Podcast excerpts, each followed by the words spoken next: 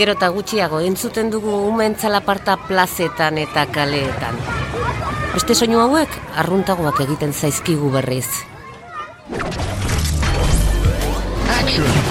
Guren eraben soinu banda da. Gaurko ekuazioaren bigarren faktorea. Jatekoaren kalitate kaskarragoa. Jarabe de maiz azukrea da. Dextrosa azukrea da. Maltosa azukrea da. Gatzak agertzen dira batzuetan poliase gabeaz, aseak, kokoko eh, olioa bezala, palmako olioa bezala, dana gantzak. Vegetalak eta ez vegetalak, gantzak. Ona hemen emaitzak.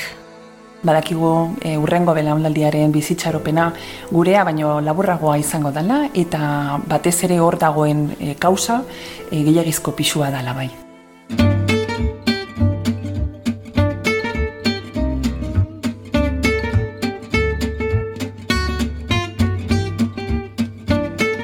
Zientzia puntu puntuan. Nafarroako Unibertsitate Publikoaren divulgazio zientifikoko podcasta. Emaio zuiaten adimenari.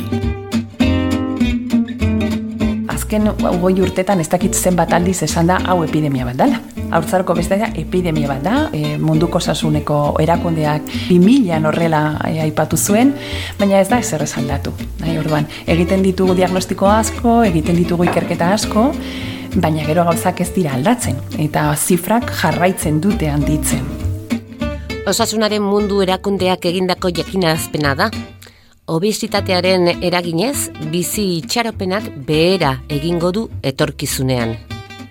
Europako nerabeen artean gora egindu joera horrek, elikadurak askartzen ari delako eta sedentarismoa gailentzen. Gaitza errotik aztertzen ari dira adituak zer dakite aurretan erabeen obesitateari buruz? Zer diote azkeneko ikerketen emaitzak? Hogeita bat garren mendeko izurrik isila aldugu hau. Idoiela baien biologian doktoreak ditu erantzunak gaurko saio honetan. Ni idoia labaien naiz, elikos ikerketa taldearen zuzendaria naiz, eta e, osasun zientzetako fakultatean fisiologiako irakasle titularra naiz. Elikos, elikadura eta ariketa fisikoa osasunean. Hori da elikos hitzak esan nahi duena.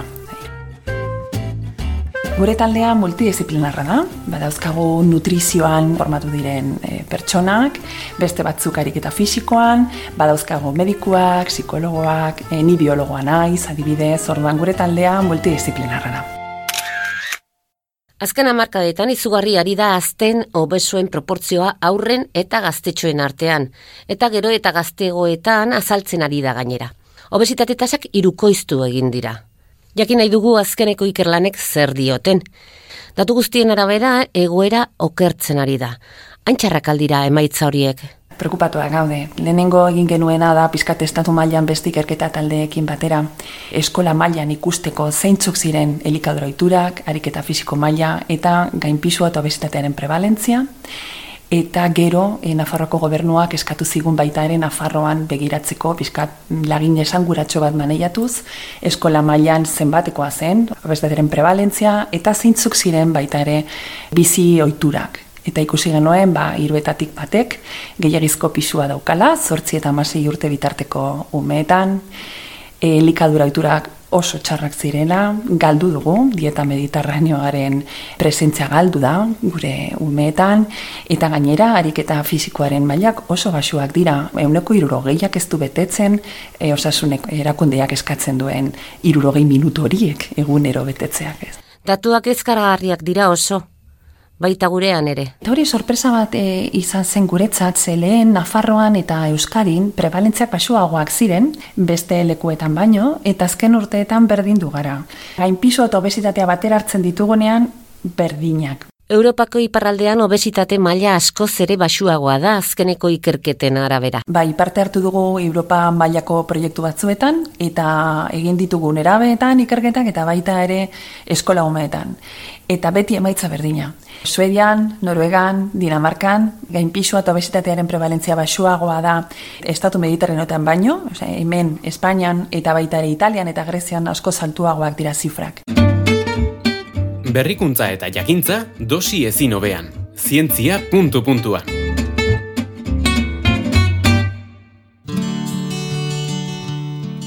Gainpisua eta obesitatea kaltegarriak dira edo zein adinetan, baina umeen kasuan bereziki aurren osasunean eta azkundean eragiten baitute. Zenbat eta denbora gehiago egon, gehiagizko pisu horrekin, gehiagizko gantz mas horrekin, gero eta gehiago okertuko da gure osasuna. Orduan, ez da gauza berdina izango ja helduaroan garatzea obesitate bat, aurtzaroan baizik hiru urteekin ikusi ditugu ume asko ja gehiagizko pisua daukatela. Horrek suposatzen du ba, urte askotan mantenduko dutela gehiagizko eun adiposo hori funtzionatzen duenak. Bai? Eta adipokinak esaten dugunak, estatu epizkat egoera proinflamatorio bat sortzen dutenak denbora gehiagon mantentzen da.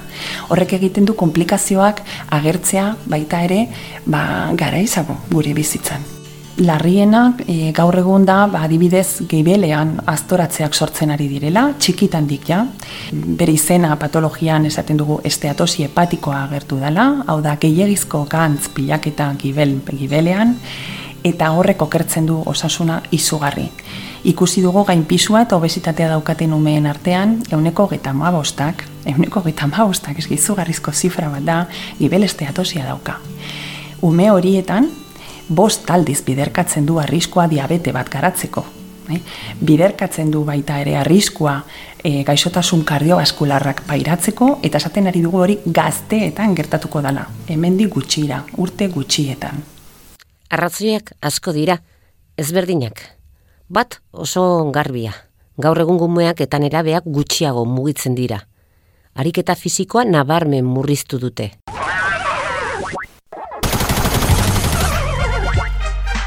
Eskolan bertan eziketa fisikoaren orduak urritu dira, eta gero e, gertatzen da baita ere haien aisiko denboraldi horietan aldatu direla auturak. Orduan gaur egun ez dute jolasten parkeetan, kirola praktikatzen dute bakarrik talde txikiek, eta beren oituretan ba, pantalla asko daudela eseritak daude, denbora gehiagi, eta ez dituzte betetzen irurogei minutu horiek egunero eskatzen direnak ez.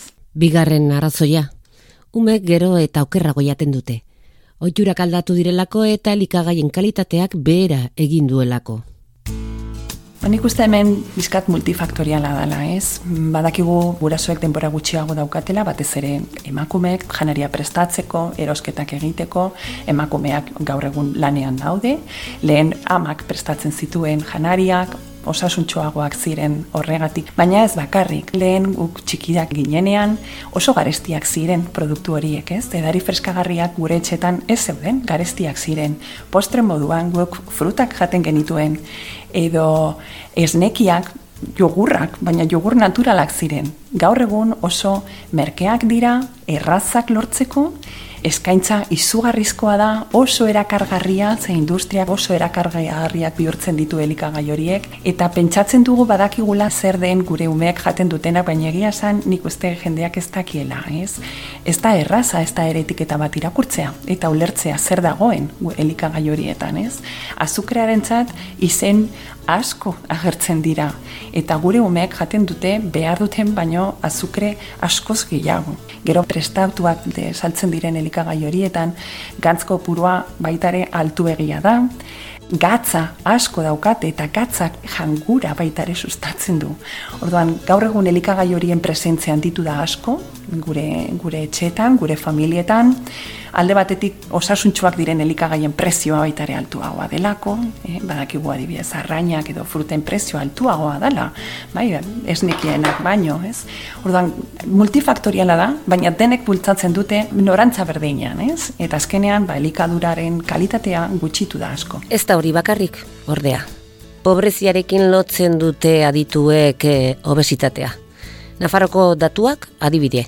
Nafarroan adibidez euneko berrogeira iristen da gainpisua edo obesitatea e, ba, kanpotik etorritako familietan, eta gurasoak hemen jaioak direnen kasuan euneko geta bost, geta zeian dago, osea, hor badaukago gizartean zerbait pentsatzeko bai. Kasu honetan ikusten dugu arazo ezberdinak e, gertatzen direla, alde batetik elikadura oiturak ez dira onak, egia da, gainera guraso horien normalean lanaldiak ba, ez dute uzten ez da ere umeekin egotea, ume hauek askotan e, bakarrik daude etxean, telebista asko ikusten dute, kirola baitare ordaindu behar da askotan, bai?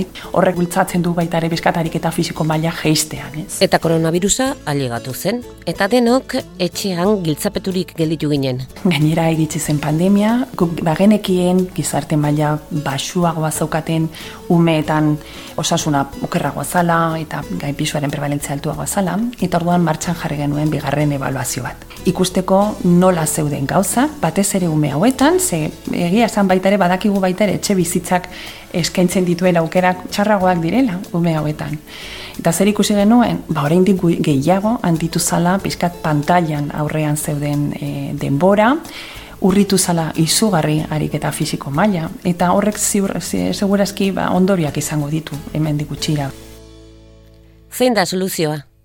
Zergakiko zenbait elikagai eta edariei? Ariketa fisikoa derrigortu? Adituen ustez bizioituren aldaketa sakona izango litzateke arazo larri honi aurre egiteko modu bakarra.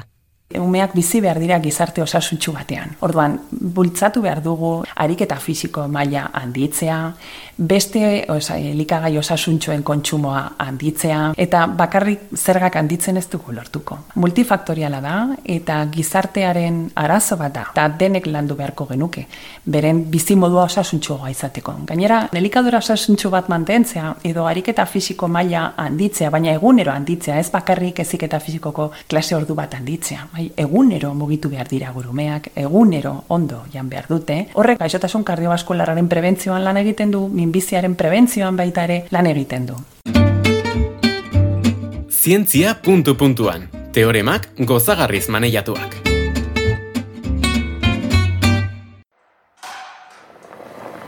Gizentasuna, loditasuna, obesitatea, ez dut oso argi zesan nahi duen.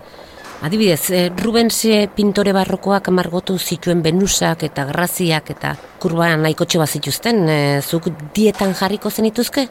Ez. Zengatik enez? Eldu aroan, e, obesitatea bakarrik tratatzen dugu, komplikatua dagoenean osasuna. Orduan, helduak direnez, ez nituzke tratatuko. E, bakarrik pisua mantentzen saiatu. El, eldu aroan, gomendioak dira, hipertentxo agertzen denean, dislepeimea agertzen denean, horiek konpontzea. Zergatik? Ba, tratatzen ditugunean, pisua galtzen da hasiera batean, gero gelditu egiten da, eta denborarekin pisua gehiago ere handitu egiten da. Beraz, e, bere horretan ederrak daude. Ez daukate obesitaterik, eh? daukate pixkat gain pisua, bai? ez obesitatea, eta gainera guk esaten dugu hori femoroglutia dela. Hau da, aldakata izterretan kokatzen den gantza da. Horrek ez dauka, e, arriskuak osasunerako. Botero artista kolombiarraren eskulturlanetan eta margolanetan handitasuna eta gizentasuna dira nagusi. Horiek ez dare, etzen dituzke dietan jarriko? Boteroren kasuan ez dira femorogluteak. Kasu horretan sabel handiak ikusten dira, eta sabelean metatzen den gantzak badakartza arazoak osasunaren zat. Kasu horietan bai. Zer jarriko dioguko saltzeko amairu urteko nerabeari? Esneki bat, zerealak, ogia, batik bat, eta fruta. Idoia, amaiketakoa beharko du jola sordurako. Bokata bat. Zerekin? Urdai azpikoa, gazta. Egarrik baldin badator, ze manen zenioke? Ura. Besterik enez? Ez, ura. Frutaziku bat? Ez. Eta gainera komertzialak direnak azukre pilo bat daukate. Edari freskagarria baino gehiago. Niri ura ardo batzukin ematen zidaten. Bueno, bai egia da, gaur egun ez dago gomendatua alkolarik ematea, umeentzat, ez? Baina nik uste horrek daukan eragina osasunean, basuagoa dala edari freskagarriena baino. Zenbait eta harik eta gehiago orduan eta hobe? Bai, hainbat eta gehiago, ondorio e, onuragarriak e, handiagoak izango dira. Institutora edo eskolara orduan bizikletaz, oinez? Bai, oinez, bizikletaz, patinete batekin, baina mugitzen. Elikagaien zerrenda beltza egiten lagunduko zenidake? Bueno, e, niri zait gustatzen de, gauzak debekatzea. Esaten duguna da, badaudela produktu batzuk bakarrik noizbenka hartzekoak direnak. Ez? Horien artean edari freskagarriak, opilak eta e, txutxeriak.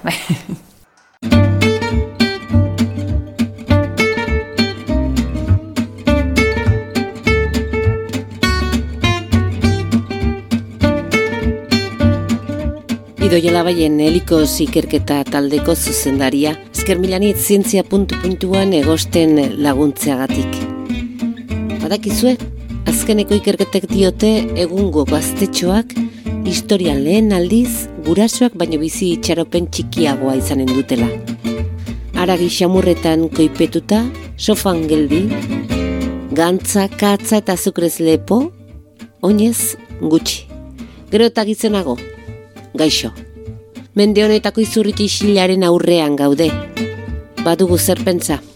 Ongizan entzule. Zientzia puntu puntuan entzun duzu. Nafarroako Unibertsitate Publikoaren podcasta. Gozatu zientziaz.